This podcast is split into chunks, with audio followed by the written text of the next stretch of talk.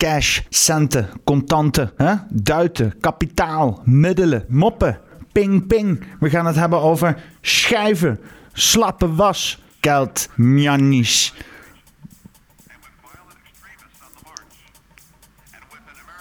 Euro's. Nou ja, uh, poppenkast nummer 9. Uh, zoals ik het zei, we gaan het hebben over geld. Dus daarom heb ik hem genoemd Valuta via Victorie.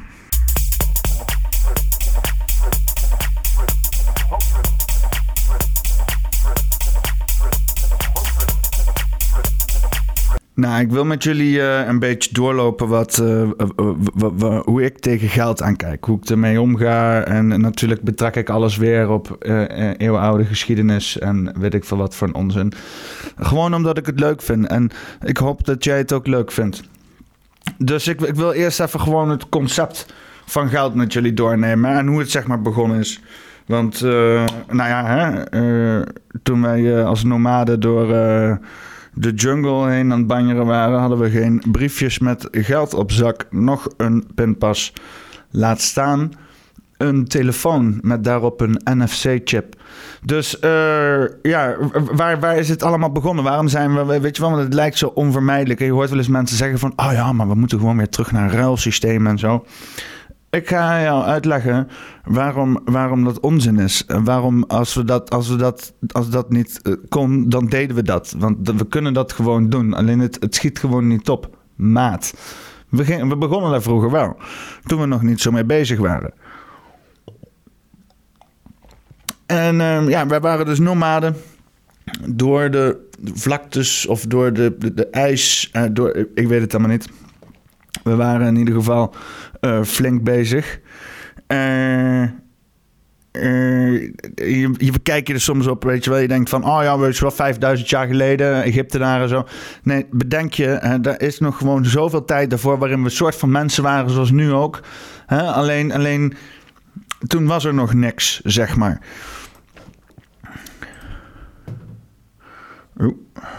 And raise them today without anyone noticing that they're a bit different.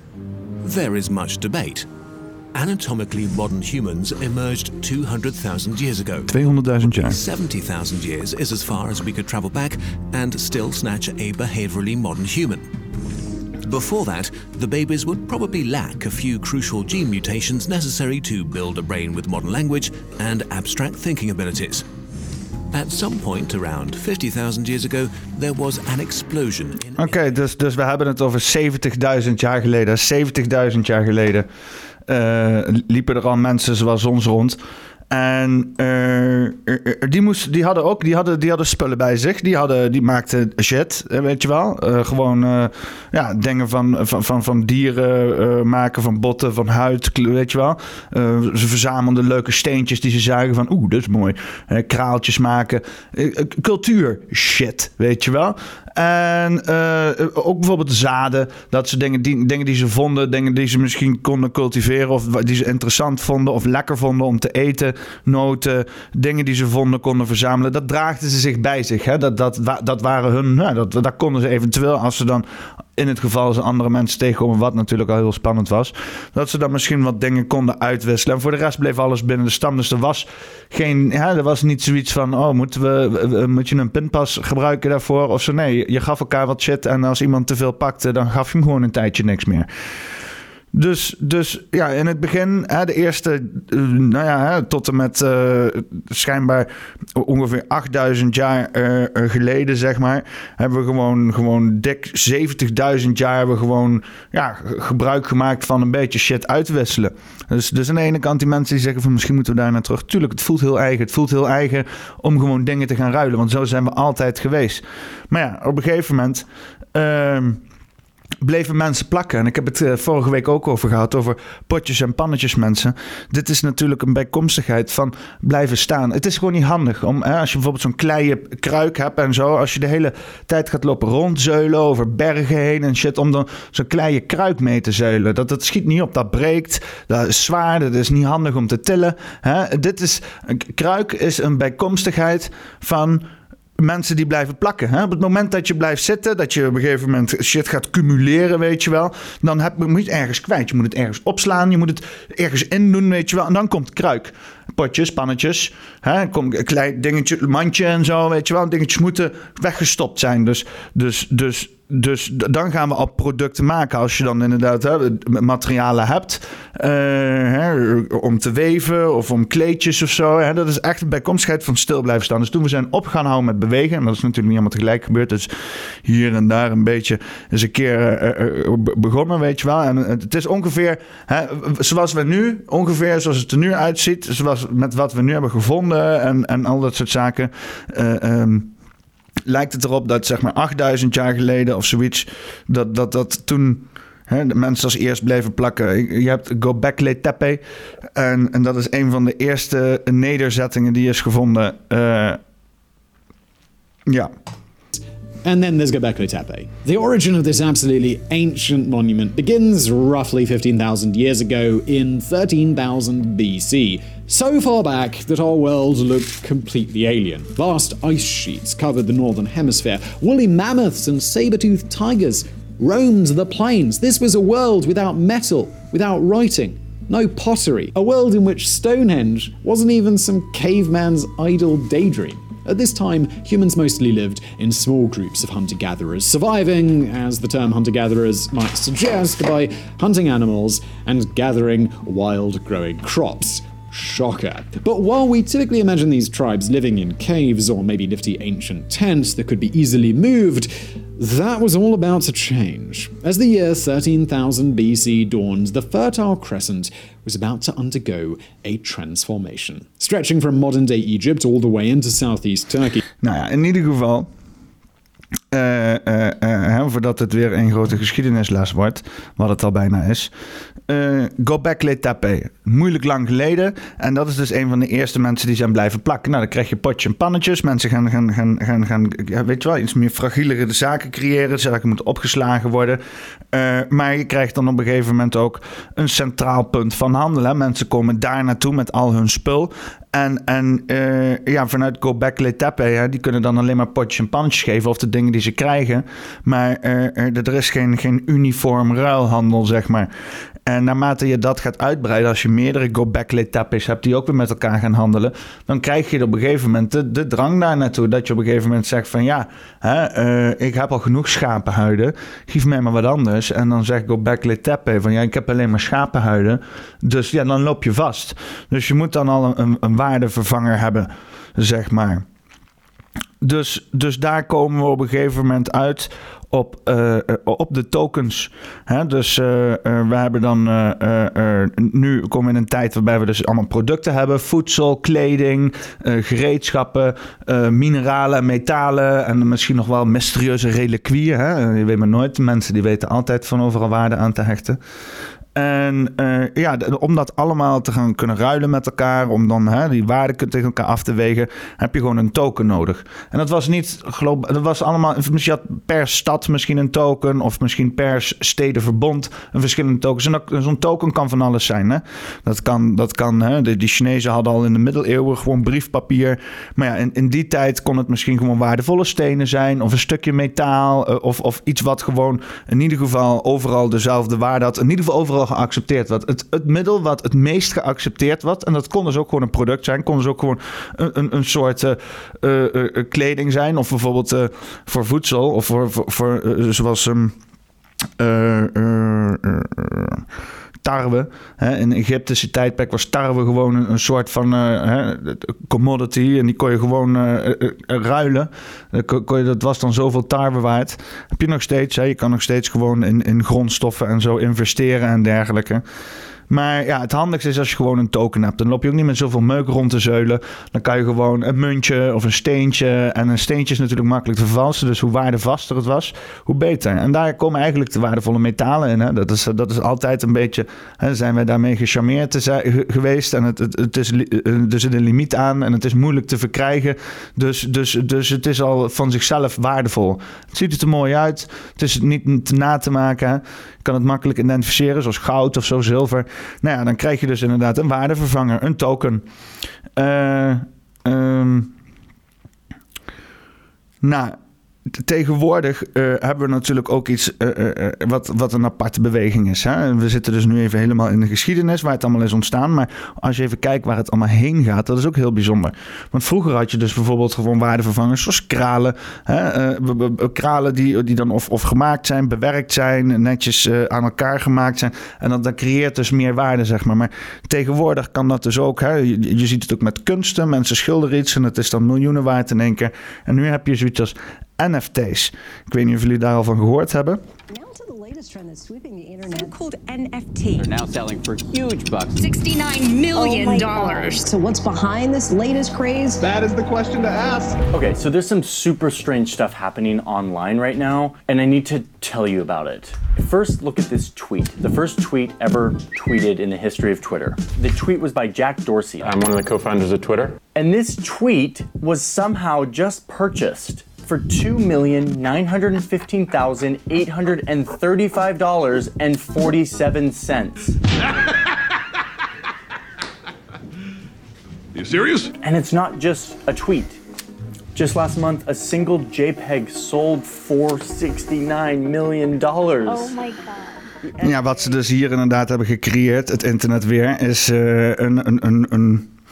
een non-fundable token.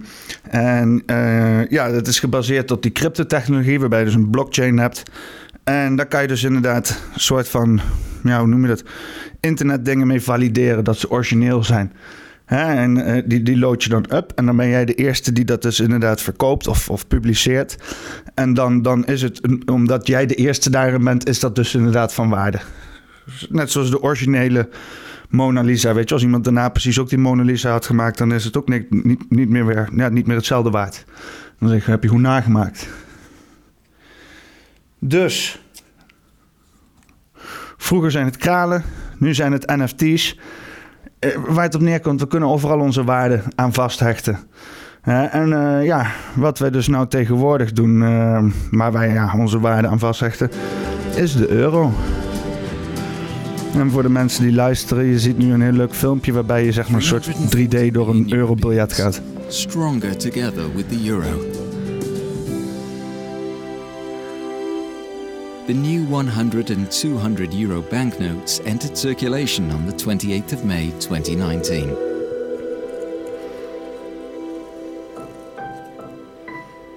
The euro, our money. Nou ja, dit is inderdaad gewoon, gewoon afgesproken met elkaar. En we hebben natuurlijk gewoon een super vet biljet. Maar het is allemaal show. Het is allemaal rook en gordijnen. Het feit dat ons biljet zo vernuftig in elkaar zit, zegt niks over de waarde ervan. Dat is puur wat wij, hè, het, geven, wat, wat wij ermee doen, uh, wat onze economie ermee doet. Hè, en, en dat representeert de waarde van de euro. Het is puur wat we er in, in de EU mee doen. En nou ja, dan kom ik dus wel bij het stukje financiële constructies. Financiële constructies uh, is natuurlijk ja, tegenwoordig waar zo'n beetje alles op gebaseerd is. Alles bestaat uit financiële constructies. De hele EU is gebaseerd op een financiële constructie.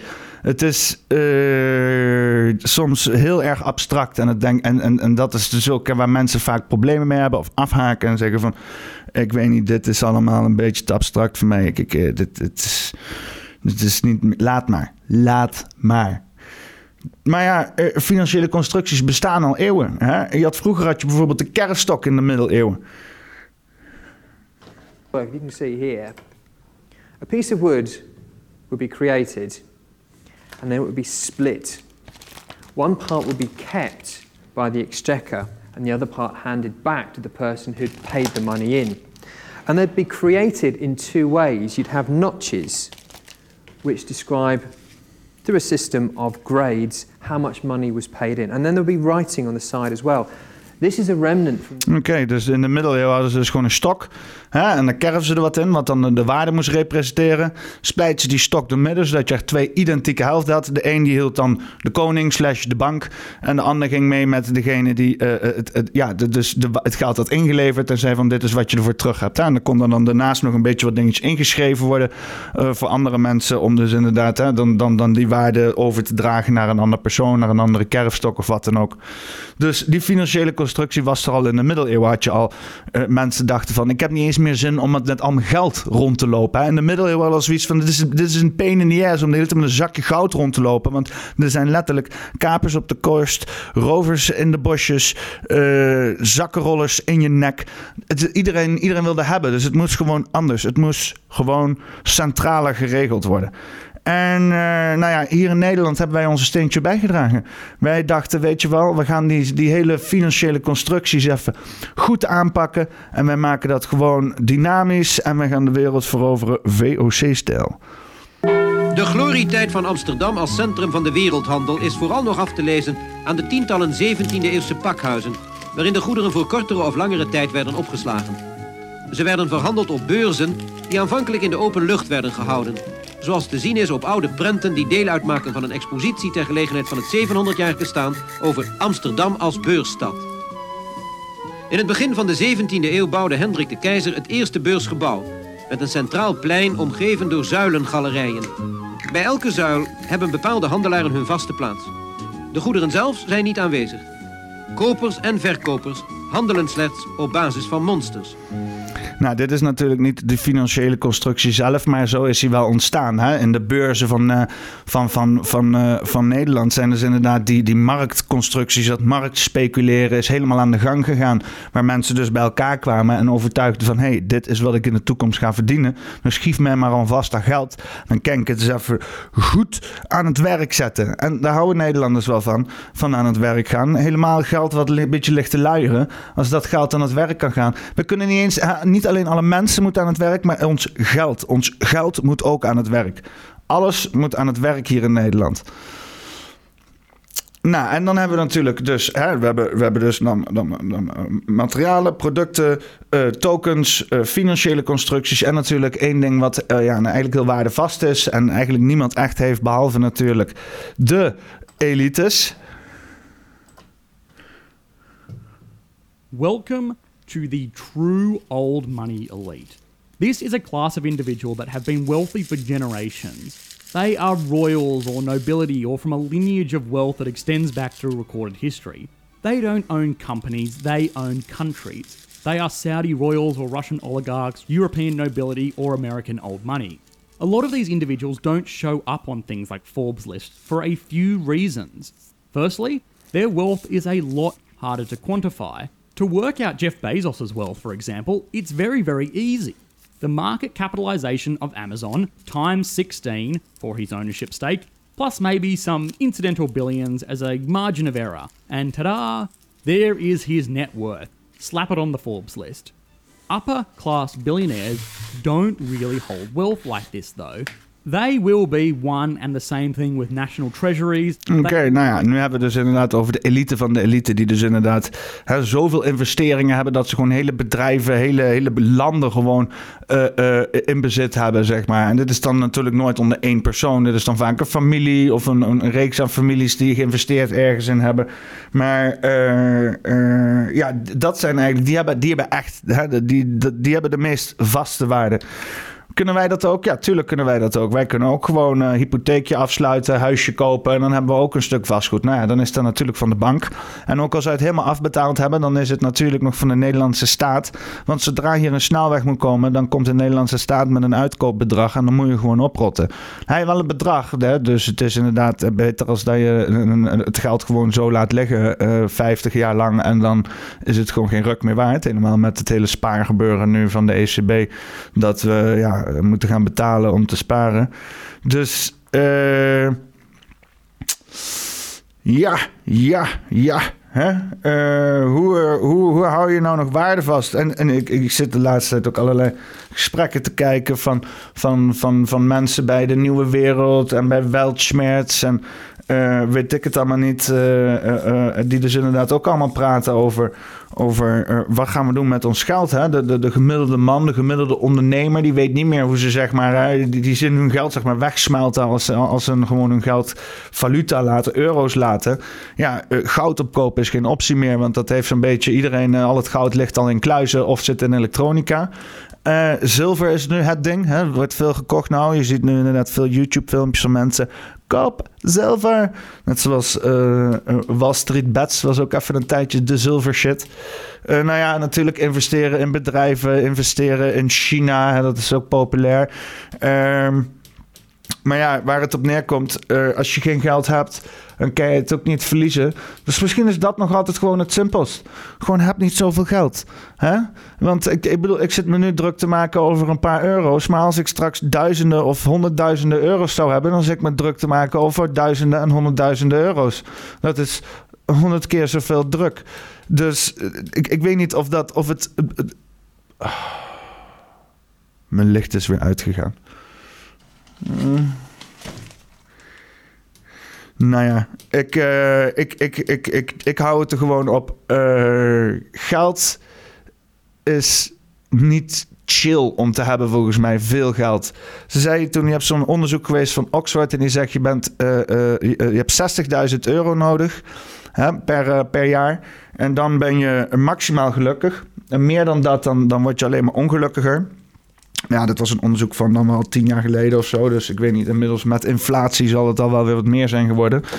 Maar uh, dat ja, uh, ik, ik, ik, vind dat een hoog bedrag, man. Uh, mijn ouders verdienen dat soort geld niet. 60.000 euro, 60.000 euro op jaarbasis. Hè? Dus dat is van 5.000 euro per maand. Nou ja, ja. Misschien met z'n tweeën, inderdaad. Ja, dit onderzoek zei niet inderdaad van, van of je met in je eentje of met z'n tweeën moest zijn. Maar het is best wel een immens bedrag. En tegenwoordig, ik weet niet hoor, eh, lonen zijn niet echt enorm omhoog gegaan. Ik, ik, het is niet alsof ik zo exuberant meer verdien als mijn ouders. Misschien zelfs wel minder nog. Hè? En uh, in verhouding ook wat, wat zij toen verdienden, zeg maar, in de gulden tijdperk ten opzichte wat hun koopkracht was. Maar ja, we weten allemaal dat ons koopkracht achteruit gaat. We moeten gewoon leren leven met minder. We moeten het gewoon doen zoals de Zweden. Gewoon niet zoveel willen. Gewoon heel gelukkig zijn. Gewoon ervoor kiezen om gelukkig te zijn. Gewoon daar gaan zitten met helemaal niks en zeggen: Nee, ik ben gelukkig. Dat is, dat is volgens mij nog altijd de, makkelijkste weg. Hè? De moeilijkste weg is om tegen het te gaan strijden. Hè? Om te zeggen: van nee, ik ga miljoenen verdienen. Het valt proberen. Als je een kans hebt om miljoenen te verdienen, zo zo doen. Maar als dat, als dat je streven is in het leven, dan uh, wordt het lastig.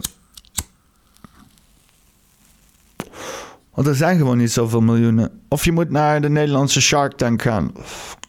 Hoe heet dat? Hoe heet de Nederlandse Shark Tank? Ik ga het even opzoeken. Ik hoorde dat dat tegenwoordig uh, ook op tv is. Ja, we zijn steeds meer aan het Amerikaniseren hier in Europa. Hè? Het draait straks echt... Oh ja, Dragon's Den.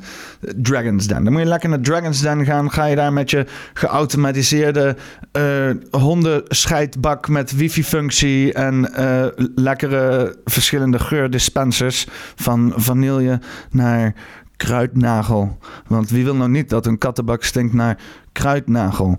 En dat kan je dan met wifi besturen. Hè? En dan kan je gewoon zo zeggen van ik wil een beetje 70% kruidnagel en 20% kattenpoep. En dan ga je daar staan bij Dragon's Den. zeg je van dit is de shit. Letterlijk en figuurlijk. En je een paar miljoenen. En dan word je waarschijnlijk uitgemolken door dat programma. Ik vertrouw er alsnog in mijn gezak van. Want dan hebben hun aandelen in jouw producten. En dan verdienen hun gewoon nog altijd meer geld dan jij. En jij pakt gewoon alle schamele beetjes. En moet maar gewoon buigen naar de macht van het kapitalistische systeem. Dames en heren, dit was vi, vi, vi, uh, uh, Valuta via Victorie. Poppenkast nummer 9. Ik hoop dat... Uh, um, jullie iets wijzer zijn geworden van geld. Um, ik ga ervan uit van niet. Misschien hebben jullie wel een leuk feitje gehoord hier en daar, wat je dacht, hé, hey, daar moet ik meer over weten. Zoals uh, altijd gooi ik natuurlijk al mijn bronnen in de comments onderaan op YouTube. Voor mensen die het niet op YouTube luisteren, ga naar mijn YouTube. Doe even een abonnementje, doe even een likeje en check de, uh, uh, de, de, niet de comments, de, de info, de, de beschrijving van de film. Waarom is dit zo lastig? Check de beschrijving van de video en daar heb ik allemaal linkjes staan naar alle video's. Uh, misschien kom je eens tegen wat leuk is. Ik, ik, deel eigenlijk alleen maar filmpjes die leuk zijn. want ik heb ze gekeken en daarom vind ik ze leuk. En omdat ik ze leuk vind, vind jij het misschien ook leuk. En het scheelt gewoon, het scheelt gewoon een hele hoop zoeken voor jou. Hè? Je hoeft niet helemaal te gaan kijken waar al deze dingen staan. Je kan gewoon op de linkjes onderaan deze video klikken en voilà. Je hebt weer een leuke half uurtje van uh, geweldige random informatie. Uh, in dit geval in het pakketje Valuta. Valuta via Victorie. Poppenkast nummer 9. Poppenkast nummer 8. Heb ik volgens mij heb ik al een paar keer nummer 8 gezegd. Het is nummer 9. Dit is poppenkast nummer 9, dames en heren. Ik maakte echt een puinhoopje van. Het is niet te geloven. Ik raak gewoon de draad kwijt. En nu al, we zijn pas bij 9. Ik moet nog naar 99. Dus uh, het is nog een lange rit, dames en heren. Tot gauw. The president is fond of saying that the tide of war. And I want to believe him as much as anyone else. But when we look at the Middle East today, with Iran closer than ever to nuclear weapons capability, with the conflict in Syria threatening to destabilize the region, and with violent extremists on the march, and with an American ambassador and three others dead, likely at the hands of Al-Qaeda affiliates, it's clear that the risk of conflict in the region is higher now than when the president took office.